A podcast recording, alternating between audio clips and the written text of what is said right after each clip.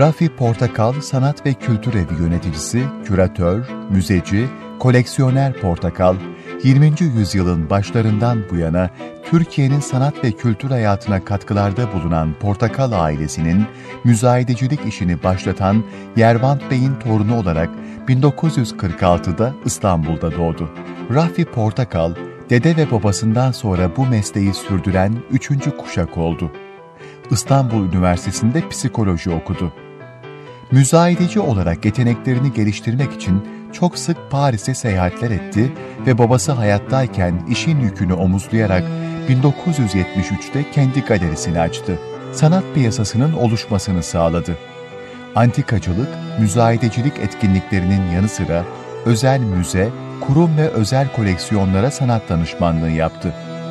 Babası Aret Bey'den devraldığı bayrağı kurumsallaşma sürecine oturtarak bir marka haline getirdi. Ülkemiz sanat çevreleriyle dünya arasında köprü olmayı başararak camın, ahşabın, güzel yazının, mücevherin ve resmin tarihine sahip çıkmayı başardı.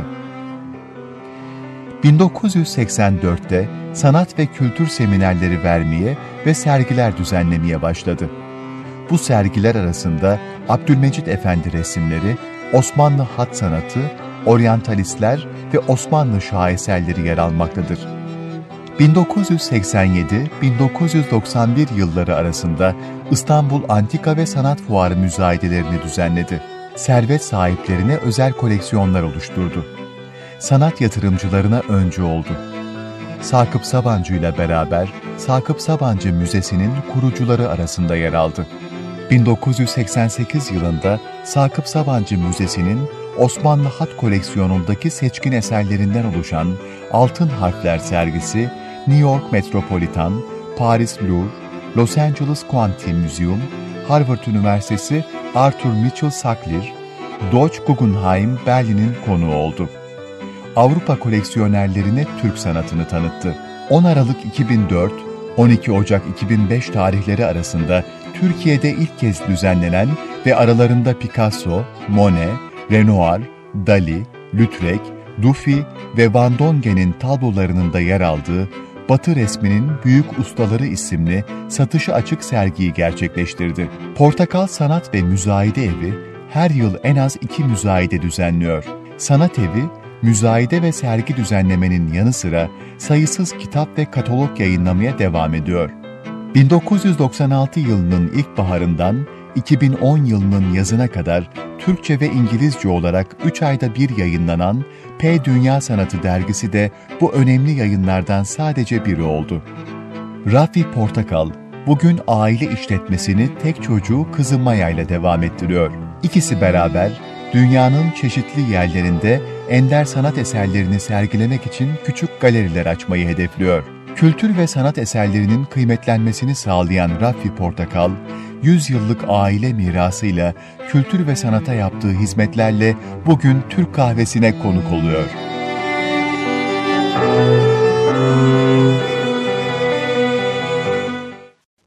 Efendim merhabalar Türk Kahvesi'nden. Bugün Türk Kahvesi'nde değerli bir konuğum var ve çok renkli bir konuğum var. Rafi Portakal. Hem iş alanı hem yaşam e, tarzıyla ve aslında ne diyelim Türkiye'nin aile tarihi, arşivi, belleği, eşyaları, eşya insan ilişkisi birçok alanda uzmanlığıyla Rafi Portakal bir Türkiye markası. Portakal Kültür Sanat Evi'nin yöneticisi, üçüncü kuşak yöneticisi. 100 yıllık bir tarihi var değil 105. mi ailenin? 105. 105. Ee, 105 oldu bu Rafi Oldu. Portakal'ın Portakal'ın 100 yılı diye Enis Batur'la yaptığı söyleşilerden bir kitabı Evet, var ve kitabı büyük bir e, keyifle okudum. Teşekkür Ve ederiz. aslında e, Türkiye'de sanatla ilgilenen, kültür sanatla ilgilenen herkesin de okumasını e, tavsiye ediyorum. Çünkü sadece kültür sanat da yok. Ailelerin tarihi var, Türkiye'de kültür sanat politikaları var, değişim var, eşyayı ve insan insan var ve e, İnsan değişimi de var. o da var. Kitapta en çok benim de doğrusu ilgimi çeken noktalardan birisi oldu. Tabii insanı anlatırken kendinizi de Türkiye'yi de dünyayı da anlatıyorsunuz büyük bir perspektifli. E, lütfettiniz, geldiniz. Ha, ben çok e, onur duydum doğrusunu isterseniz. Beni de davet ettiğiniz için bu programa. Ben daha evvel de izledim programlarınızı. Çok renkli, çok Teşekkür ediyorum. hem entelektüel seviyesi yüksek hem çağrı çağırdığınız dostlar, çoğunu tanımıştım, Evet. tanıyorum. Onların anlatımları da çok renkli, rahattı. O bu rahatlığı sizden aldıkları besbelli.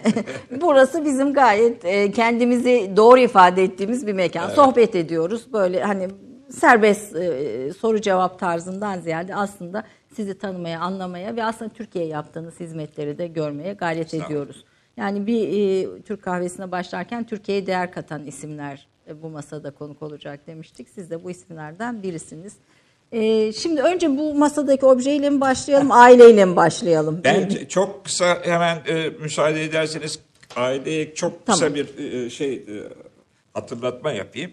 Evet üç kuşak, üçüncü kuşak benim, dördüncü kuşak kızım Maya benimle beraber çalışıyor.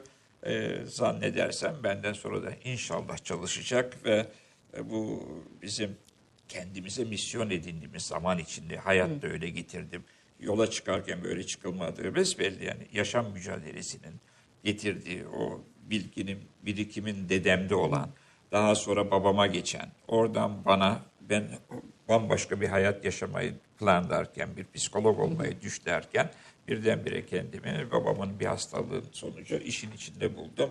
E, işin içinde buldum dediğim yani buradan kaçmak da mümkün değil. 1971-70 desen 48 senedir işin içindeyim. Yani 70, Fiilen. 71'li yıllar e, kitapta da okurken Evet. çok e, güzel e, izah ediyorsunuz aslında dedeniz, babanız ve siz müzayedecilik e, işine girerken Türkiye'nin aslında biraz da yoksul olduğu yıllar, Evet, yoksullaştığı evet. yıllar. Paranın ve- az olduğu. Paranın az olduğu yıllar ve Paranın orada az. müzayede gibi değerli eser satmak Evet. gibi ve hani e, bir bir iş, iş. kıymetlendiriyorsunuz bir Aynen. eseri, eşyayı ve zor bir iş yapıyorsunuz. Evet teşekkürler. Yani esasında bir firmayısınız. Bu bir giyim markası olabilir, bir araba olabilir, bir uçak şirketi olabilir ama siz bir markayısınız.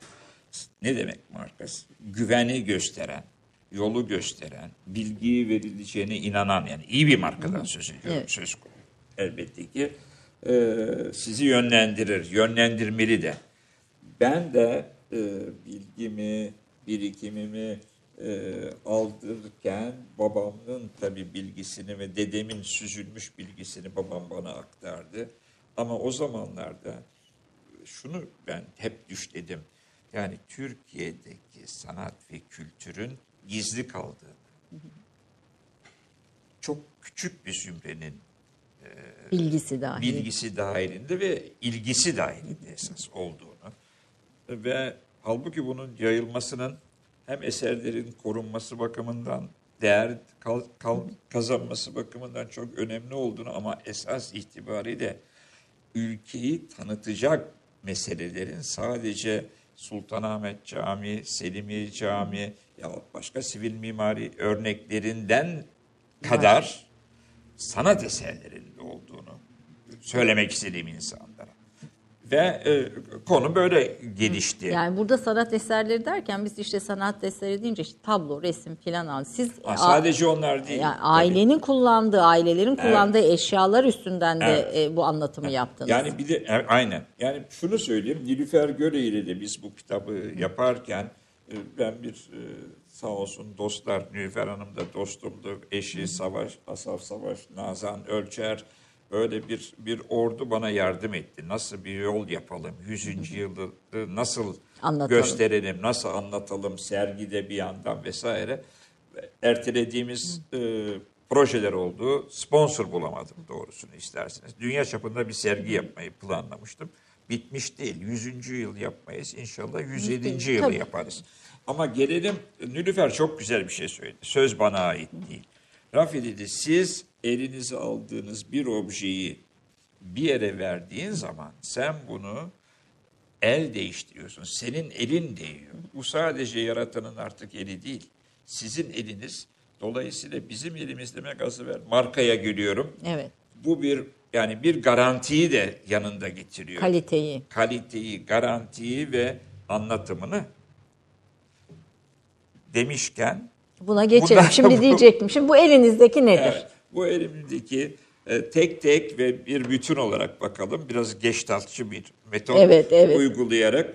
e, bunlar Çin porseleni öncelikle. Çin porseleni özellikle 15. yüzyıl, 16. yüzyıl hatta 19'a kadar dünyanın en kıymetli porselenidir. Ve dünyanın en kıymetli altını çiziyorum.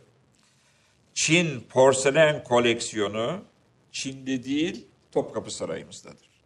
Gidip herkesin görebildiği bir yerde. Herkesin görebildiği ama bence fazla insanın görmediği bir yerdedir. Ee, görülmesi lazım. Çin porselenini sadece teknik olarak değil ama daha fazla süsleme olarak, form olarak etüt etmek lazım. Ama bir de şunu bilmek lazım onlara bakarken. Bir, Çin'in kendisi için yaptığı şeyler var. İki, orada Çinlilerin özel Osmanlı zevkine göre, sultanların isteğine ve emrine göre ürettikleri. var. Bir de o da Yani bu müthiş bir şey. nasıl beğeni ve ve Evet zevk. yani or bir kere düşünün orada böyle bir şey üretiliyor. Nerede üretiliyor? Çin'de üretiliyor. Çin'de üretilip neyle geliyor? Tırlarla gelemez. İşte onu Uçak soracaktım yok. nasıl tam tam oraya. Efendim e, vapurla belki gelebilirdi ama geldiği yol Topkapı Sarayı'nda da var onun minyatürü. E, Develer İpek yolu. İpek yolu. İpek yolu, develer ve e, eşekler. Eşekler. ve kırılmadan o kadar uzun yolda geliyor. Ve üzerinden 500 sene geçmiş. Yani Topkapı Sarayı'ndakilerden söz ediyorum. Bunlar 18. yüzyıl sonu, 19. yüzyıl başı. Yani bizim dilimizde e, antikacı diliyle çok eski değil. Ama şöyle bir hesap edersiniz. 19. yüzyılın başı dediğin zaman ve 20. bir kere 220 sene var. Evet. Yani O da az, az, mi? az, az bir zaman değil. Evet, az bir zaman değil. Şöyle mukayese edin Osmanlı İmparatorluğu kaç yıl yaşadı? 220 senenin oradaki ağırlığı ve önemi ne kadar? Yani böyle biraz bakmak lazım. Ee, Cumhuriyetimiz kaç yaşında? Gibi. Daha biz yüz yaşına yeni geliyoruz. Evet yani. yani o mukayeseleri iyi yapmak lazım. Ee, bu Çin porselen hokkaları hokka olarak gelmiyor bize. Bunlar e, büyük bir ihtimalle güleptan olarak geliyor. Ya- Yani yine Osmanlı pazarı için yapılmış ama yalnız Osmanlı pazarı için değil. O sırada güleptan yani kolonya olan bir şey Kolonya koymak için değil. yap, üretilmiş bir şey. Bu batıda da var, doğuda da, uzak doğuda da var, bizde de var. Ee, ama işte zevk, zeka, sanat ve zanaat iç içe giriyor. Ve bu üstünü kesiyorlar Güleptan'ın. Ee, üçü de öyle. Ve ondan sonra bir Türk ustası bunu hokka yapmak için çalışıyor. Ve Gümüştür bu muhtemelen. elbette bir gümüş kapak yapıyor. İşte size olduğu bir mürekkep hokkası. O, o elinizdeki mürekkep hokkası. Bu Ortadaki ortadaki ise fonksiyonu su var içinde. Çünkü Osmanlı mürekkebi e, isten yapılıyor biliyorsunuz ve biraz sulandırmak lazım. Bunun fonksiyonu da o suyu. o suyu içinde barındırdığından hafif e, sulandırılıyor. Gelelim üçüncüye. Üçüncü de yine e, yine gümüş elbette. Bilmem görebiliyor muyuz? Evet, Bakın şurada delikler var delikler içinde. var. Bu deliklerde rıh deliği. Bu rıhtan yani kurutma tozu. Yani bu üç- üçlü almak. olması lazım. Yani esas üçlü olması lazım. Minimum ama bu beşlisi de var, altılısı da var. Ne demektir bu? Bunlar olmazsa olmaz. Yani İlla rıhtan ve e, Su. su, su, ibrik diyelim İbrik. buna. Muhtelif renkte mürekkepler için üçten fazla olabilir. İlave onun yanına diğerleri Olabilir. bil- Gelelim bir Peki. antikacının, bir antika hayranının idi bu. Ee, zeka ve zevkine. Bu bir Fransız e, malı, abanoz ağacı, tekmili gümüş. Gümüş işleme şurada bir gümüş markütrisi var. Ee, bir bir tepsi. Bu tepsinin içinde bakın ne kadar güzel duruyor değil mi şey? E, Tek başına koyduğumuzda başka, bu tepsinin içinde Ya, başka. Ama bu topluyor bakın. Bunları böyle koymak başka bir şey. Değil mi? Evet. Ama bunları bu tepside toplamak başka bir şey. Toparlıyor. Ve yad etmek isterim. Hocam, çok sevdiğim rahmetli abim, e, babamın çok dostu Mesut Hakküden bana hem çok şey öğretmiştir. Onu soracaktım. Hayatınızda Yani etkili çok, ve önemli çok, çok kişiler kimlerdi? Öğretmiştir, sevdirmiştir. Osmanlı sanat eserlerinin ne kadar önemli olduğunu babamın kadar ve daha fazlası Mesut abiden öğrenmiştir. Yani tesbih üzerindeki e, Kur'an-ı Kerimlere nelere dikkat etmekten tutun hatlardan nelere dikkat etmek e, varıncaya kadar bunları o birleştirmişti. Yani Siz onu şeyi e, üçünü satın almış. Daha sonra bunu başka bir yerden satın alıp bunların ne kadar birbirine yakıştığını fark edip yani e, kendisi bir, kompozisyon evet yapmış. bir gusto Evet. bir zevk, Ama bir muhakkak var. bilelim ki bir e, hokka takımının bir e, tepsi Tepsiye ihtiyacı vardır. Peki şimdi işin e, bu sanat kısmı, estetik kısmı, bir de işin piyasa kısmı var. Fiyatlandırma kısmı Evet. var. Şimdi böyle bir e, eser, şu masamızda duran Evet. eser diyeceğim çünkü sanat eseri sonuçta Evet. e, yani e, Evet, her e, şeyi. doğru ifade ediyorsunuz. Sanat böyle Evet. bir eser e, nasıl satılır ve ne kadara satılır? Tabii bu arz talep dengesi ama e, şöyle düşünmek lazım. Bu 40 sene evvel yani Türk lirasıyla bir şey söylesem pek izleyeceği bir şey anlatmayacak. Hiç işime gelmemekle beraber, sevmemekle beraber, hatta hiç uygulamadığım bir yabancı para biriminden söz etsem müsaade eder misiniz? Elbette buyurun. Ee, biz hiçbir zaman müzayede kataloglarımızda enflasyonun ve e, şeyin e, e, devalüasyonun her gün olduğu 1900 ilk- sonları 2000'lerin başlarında bile doları kullanmadık. Hep Türk lirası kullandık. Zarar etmeyi göze aldık çünkü günden güne Türk lirası yani bir ay sonra ödüyordu müşteri. Bir ay sonra ödediğinde Rakam değişiyor. Rakam değişiyor. Onu ikna etmek lazımdı eser sahibine ve kendimize de. Bizim de aldığımız komisyon değer kaybediyordu. Her neyse biz hiçbir zaman bundan vazgeçmedik ama şimdi bir şey- bir şeyler anlatmak lazım. Bu 40 sene evvel en fazla etse etse 500 ile 1000 dolar arası paraydı. Yani Türk parası 6 bin 7 bin lira filan bir Evet şey. bugün. Bugün için. Bugünkü parayla. 5 sene öncesi böyle bir şey hatta 4 sene öncesi ben bunu satmıyorum. Önce onu Yo söyleyeyim. yo tabii yani, tabii. Hayır. bu- yani aslında ben sadece nevi- burada hayır, düşün, hayır, niye? bu düşünce biçimini öğrenmek Aynen. e, amacımız evet, o. Evet, evet. Tabii ben bunu satmıyorum. Niye satmıyorum? Çünkü Mesut abiden bana böyle bir hatıra çok kolay da ele geçmez. Ayrıca seviyorum. Allah sattırmasın. Her şey satılır. Evet.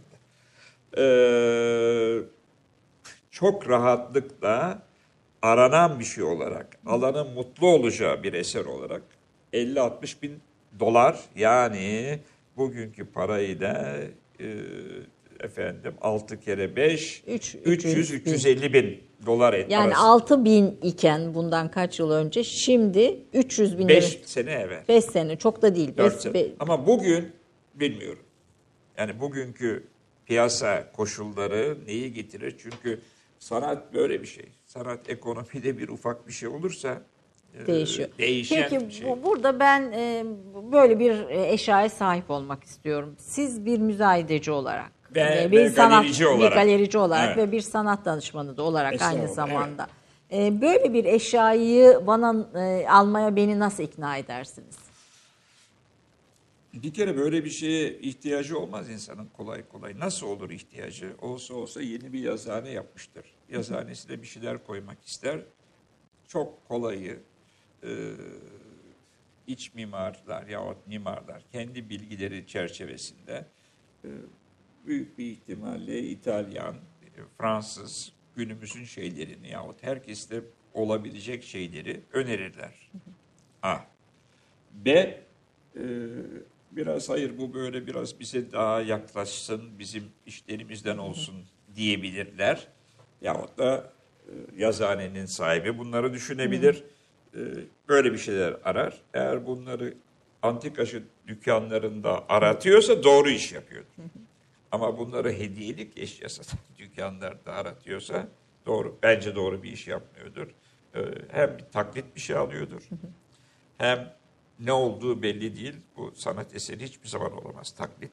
Yahut çok fazla esinlenilmiş bir şey bir sanat değeri taşımaz. Ve de benzerlerini her tarafta görebilir. Ee, kendisi de öyle ve baş, gelenler de öyle. E, dolayısıyla üçüncüsü de nedir? Böyle bir şeyi e, en yüksek seviyeden e, isteyip o sırada yoksa bile bunun sağlamasını almak. Gelelim ikna etme meselesine. İkna etmek şudur. İhtiyaç değil dedim. Evet değil ama bunu ihtiyaç haline getirebiliriz. Eğer siz bir iş insanı olarak yahut bir entelektüel olarak bilginiz ve e, kendinizi ifade etme biçimlerinizden biri saat değil, araba değil ama entelektüel bir araç gerekse bundan iyi bir anlatım şeyi bulamazsınız. Niye? Hı hı. Bir entelektüelin kullanacağı malzemelerin başında mürekkep vardır. Evet. Değil mi? Kalem vardır.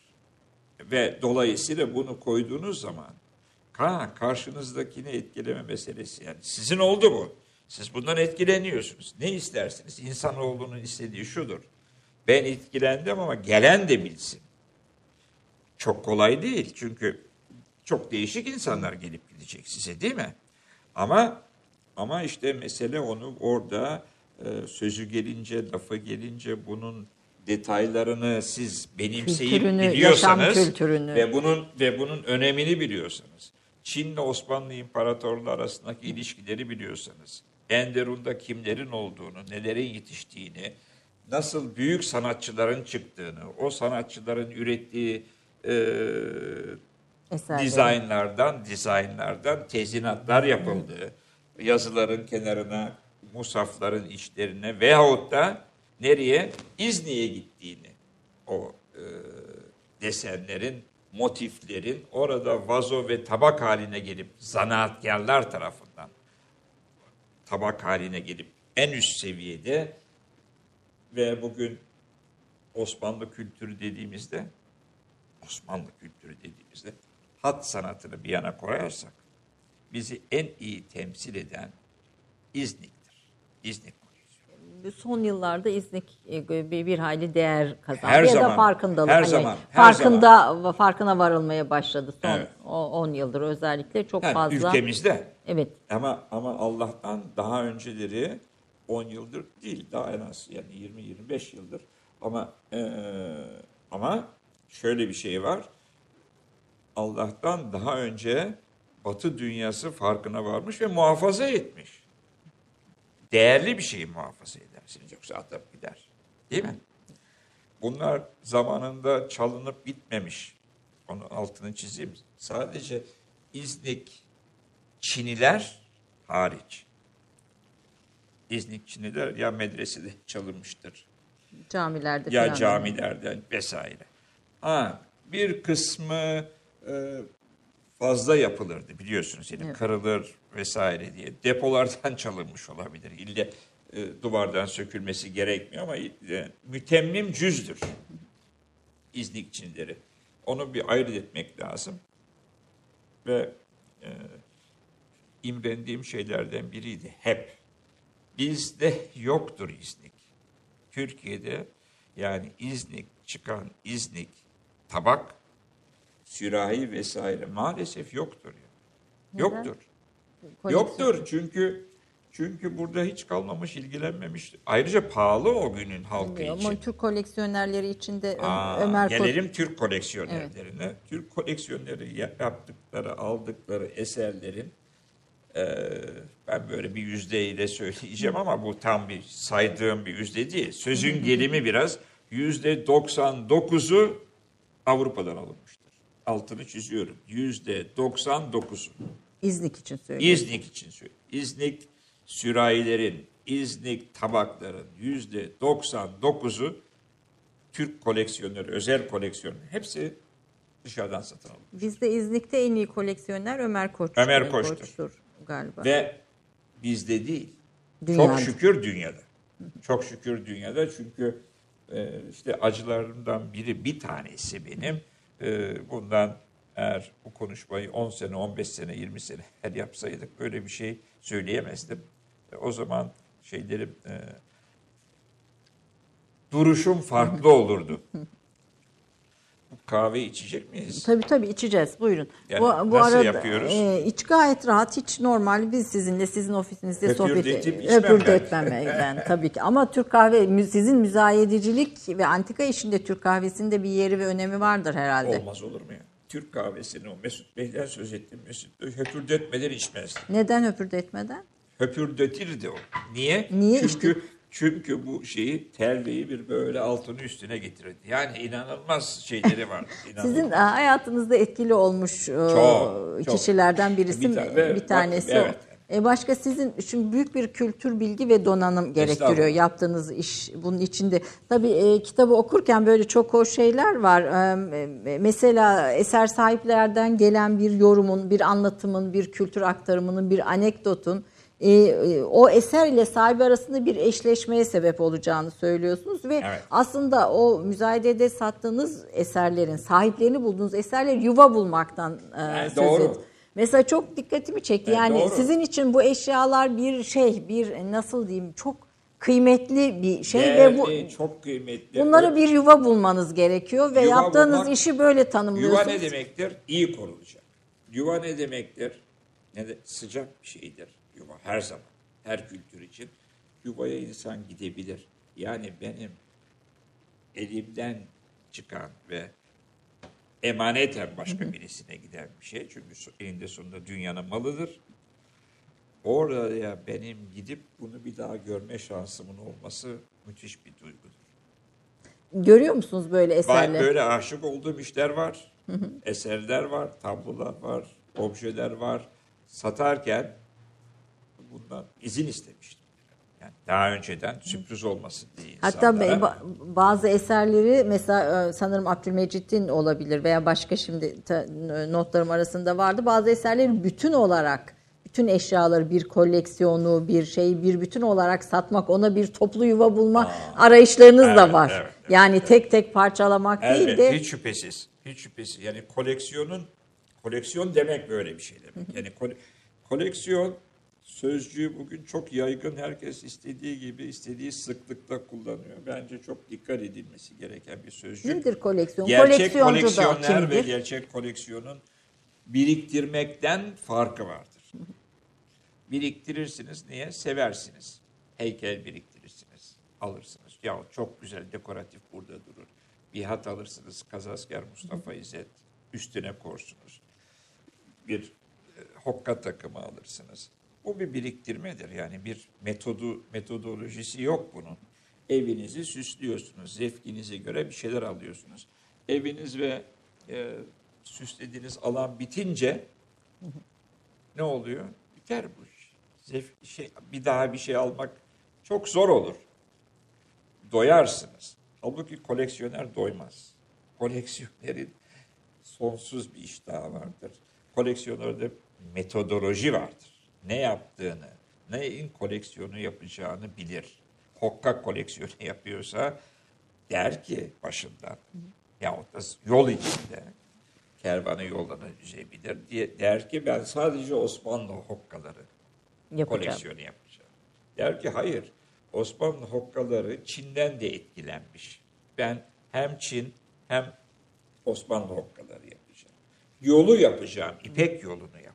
Yani muhayleniz size yol gösterebilir. Ve bir koleksiyoner bilir başka hastaları kendisi gibi. Onları geçme gayreti içinde olmalı. Bir rekabet ve yarışta. Hiç şüphesiz. Ee, İnsanın varlığı budur. Bu, bu uğurda eşini, ailesini veya parasını, pulunu, servetini kaybeden insanlar da var mıdır koleksiyon? Kaybeden olmaz. Kaybeden olmaz. Koleksiyon, iyi koleksiyon yaparsa herkes kazanır. Herkes değil, iyi koleksiyoner kazanır. Çünkü iyi koleksiyoner zamanla değer kazanır. Yani e, tabii ki şöyle Fransızca bir deyim bunun Türkçesi maalesef e, doğru tercüme edilemez. Avantgard öncü diyebiliriz. Öncü koleksiyoner nedir biliyor musunuz? Öncü koleksiyoner bugün kimsenin yüzüne bakmadığı yahut az baktığı ama gerçek sanat eseri olan bir dönemi iyi anlatan bir keşfedip bir şeyi, bir fincanı diyelim, fincan koleksiyonu yaparsınız. 15 sene sonra, 20 sene sonra büyük bir servet eder. Ama gerçekten de fincan koleksiyonu vardı Mesut abinin, Mesut Hakkı'nın. Ve yanılmıyorsam kahveci Mehmet Efendi'ye devretti o zaman. Yani çok da eski değil vefatından 8-10 yıl evvel büyük bu koleksiyonu vardı. Her şey bilgiyle yapılır. Görgüyle yapılması lazım. Araştırmak, yani altın fincan da var. Gümüş fincan da vardır. Bağ fincan da vardır. Porselen fincan da vardır. İznik fincan da vardır. Kütahya fincan da vardır. İlahi Zevk, kültür ve bilgi ve bilgi zevksiz olmaz.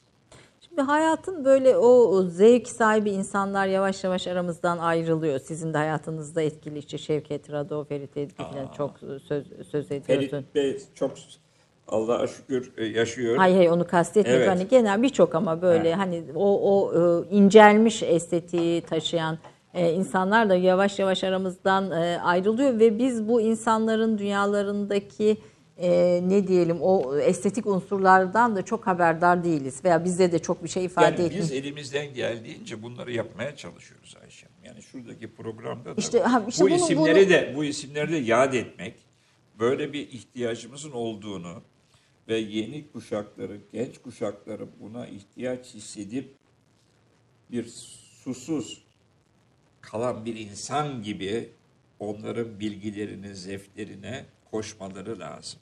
Bu meraksız olmaz. Altını çiziyorum. Bizim kültürümüzde maalesef merak azdır. Bizde merak azdır. Meraklı olmalıyız. Araştırmalıyız. Meraklı olan insan dibini kazar.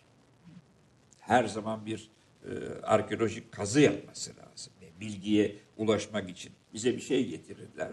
Çoğu zaman büyük bir hikaye vardır arkasında aile anlatır. İşte bu benim paşa dedemden kaldı vesaire vesaire vesaire. Öncelikle bunu e, o çerçevede o anlatının e, geçmişini bir yaşarsınız. Ama ondan sonra sual sormam lazım benim. Tabii dönemi bilmezseniz paşa Hayır, dedi. Evet evet. Yani, ne soracaksınız? Evet ne, sual sormam lazım. Yani so, bir insan şunu diyebilir, satıcı diyelim ya bir antikacı e, geldiler efendim bana bunları söylediler. Ya da herkes doğru mu söylüyor?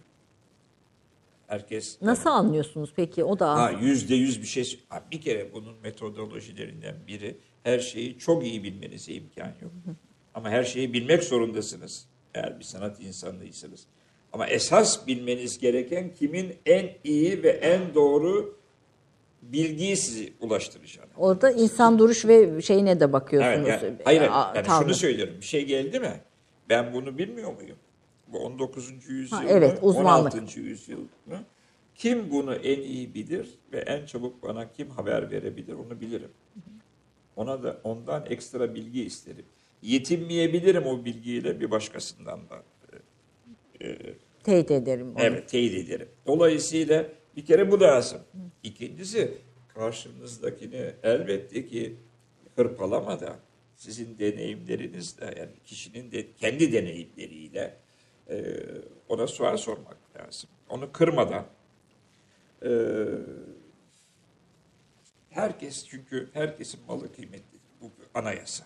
Herkes kendi malını iyi bir şeye satmak ister. Bu şüphesiz. Bu, bu ayıp bir şey değil. Normal. Ama orada değerinin ederini siz Evet. Siz evet çok kolay değil. Bakın hayat beni öyle bir getirdi ki eskiden 40 sene öncesi bize bir şey geldiği zaman yani bize değil, babama değil sadece bütün esnaf takımına, kapalı çarşıdaki esnaflara, dünyada da şöyleydi. Müşteri yani getiren müşteri, satan müşteri diyelim buna, satan kişi diyelim, fiyatı da kendi istemek zorundaydı. Bunu kaç lira oğlum bu derler. Antikacılar yahut halıcılar yahut kuyumcular. Kaç lira? Efendim ben bilmiyorum. Siz ne verirsiniz? Yok efendim der adam. Git öğren gel ben ondan sonra bana söyle. Ama hayat öyle bir getirdi ki beni. Her gelene bir şey söylemek zorunda hissettim. Ben de buna direndim 30 seneler, 35 seneler önce. Ben bir şey söylemeyeyim, ben bir şey söylemeyeyim, karşımdan bir fiyat alayım diye. Ee, baktım ki insanlar bilmiyorlar ve gerçekten de e, masumca soruyorlar. Evet. Masumca soruyorlar. Dolayısıyla bu çok kolay bir şey değil artık ondan sonra yola çıkmak. Yani doğru fiyat vereceksiniz, doğru fiyat vermek için Kandırmayacaksınız. Portakal kanunları dediğiniz kanunlarda bunlar. bir şeyler var. Bunların içinde var. Efendim kısa bir reklam arası vereceğiz. Bu arada kahvelerimizi de tazeleyip devam ediyoruz Türk Evet. kahvesini. Bir dakika reklam arası. Romandan şiire, tarihten düşünceye, klasik metinlerden özel edisyon çalışmalara kadar geniş bir yelpaze ve yüksek bir frekanstan yayın yapmayı hedefleyen Ketebe, şimdiden Türk kültür hayatında kalıcı ve önemli bir yer edindi. Edebiyatımızın seçkin eserlerine, genç kalemlere, tarihimizin engin zenginliğine, dünya edebiyatının hem güncel hem de klasik metinlerine, düşünce dünyamızın, maneviyat tarihimizin köşe taşlarına ve gün yüzüne çıkmamış değerlerine ev sahipliği yapmak, Ketebe'nin yayın politikasının omurgasını oluşturuyor. Dünya standartlarında bir yayıncılık anlayışı ve deneyimli kadrosuyla yola çıkan Ketebe yayınları, kitaba, kağıda ve söze hürmet eden bir medeniyetin parçası olarak her şeye geçer, yazı kalır diyor. Reklam arası sona erdi. Konuğumuz Rafi Portakal tabii sanatçı, bir sanat danışmanı, sanattan anlayan birisi de olunca masada biz kendimize çok çeki düzen vermeye gayret ediyoruz. Ee, doğrusu son derece dikkatli. Var mı bir sorun? Gayet iyi gidiyor. Gayet açılar filan orada da bir sorun yok. E, Ümit ediyorum. Arada tabii bana biraz küçük rötuşlar da yaptı e, ondan sonra ve e, e, küçük düzeltmeler yaptı. Orada bir mendil var hocam. Nedir o? Ah, ya bu çok sarkmış ya. Bu bu bu Pınar isimli bir hanım. Pınar. Viola diye bir e, Hollandalı sanatçı ile beraber bir marka yapmışlar. Pınar Viola. Bakın böyle bir şey yaptı. Papatyalar, e, çiçekler, tablolardan Yani şey, esinlenmiş. bahar, bahar. hem içinde geometri var, hem içinde açı var, hem samimiyet var. Ee, niye yaptı ve onu bilemem ama bana armağan etti bunu. Ben de bu programa takmak istedim. Neden? Çünkü bunların yaptıkları eserleri dijital art yapıyorlar. Dijital sanat yapıyorlar. Çok baskı yeni bir çünkü şey bu baskı baskı. Evet çok yeni bir şey. Ee, bana gösterdi dedim ki çok karmaşık. Gelin bunu biraz daha soyutlayın, biraz daha soyun, biraz daha hafifletin. O yok falan dedi. Sen gel bir gün dedim. Geldi aldı laptopuyla beraber. Laptopunda beraber çalışmaya başladık. Şurayı çıkarsan da aa bak inanır mısınız bu akıllı bir kız bir kere. Çok iyi eğitim almış. İngiltere'de ve Fransa'da eğitimini almış. Uzun zaman e, Fransa'da yaşamış. 35'lerinde bir kadın Pınar Hanım. Bambaşka bir şeyler yapmaya başladı. Beraber bu viola ile birlikte. Bu iş illa bir usta istiyor. Yani bazen Sanat, ister, san- bazen sanat, farklı sanat, bir göz evet, evet. dışarıdan bir şey söyleyebilir ve bazen bu doğru olur, yanlış da olabilir. İş ama sonuçta bilin ki sanatçı ve hangisini alıyorsa o doğrudur kendisi için. Demek yani ben bir şey söylerim, yüzümüze bakmayabilirdi. Ama ben şimdi mutluyum, yüzüm gülüyor mu bilmiyorum. Bunun, Gülüyor gülüyor. Buna sahip Evet, olduğu evet. için değil. Ben bu sanatta benim de katkım var diyorsun. Evet, evet. benim de katkım evet, var. Şimdi. Amerika'ya gitti.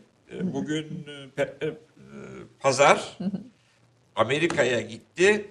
Amerika'da e, niye gitti? Davet aldılar. Ha, ne güzel. Ha, yani Türk- hakikaten Türk- çok hoş. Türk sanatçısı için. Tabii bu biraz kahve fincanlarımızdan eleştiri aldık efendim söyleyeyim. Evet. Tabii bir iki ufak düzeltmeler falan yapıldı. Ee, haklı. Evet e, Rafi Bey.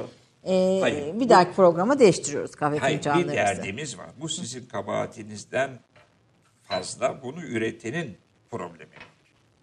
Yani böyle bir şey çünkü gördüğüm kadarıyla Osmanlı e, motiflerini almış, e, kendine göre yorumlamış.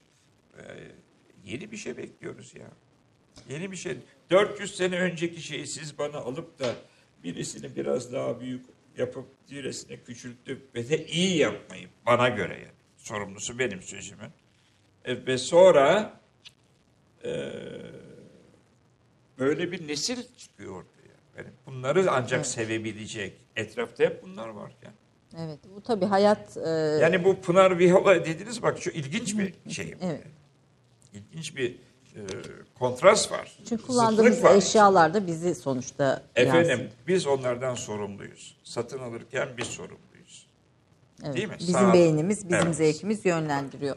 Efendim Osmanlı Türk sanatlarının e, farkındalığı kelimesini sevmiyorum ama galiba farkına varılmasına veya değer kazanmasına, kıymet kazanmasına, yeni yuvalar bulmasına aracılık eden ve bu konuda çaba sarf eden Galiba en birisiniz. e, e, yani modern 1970'lerin e, şeyi benim e, başlangıcını yapan.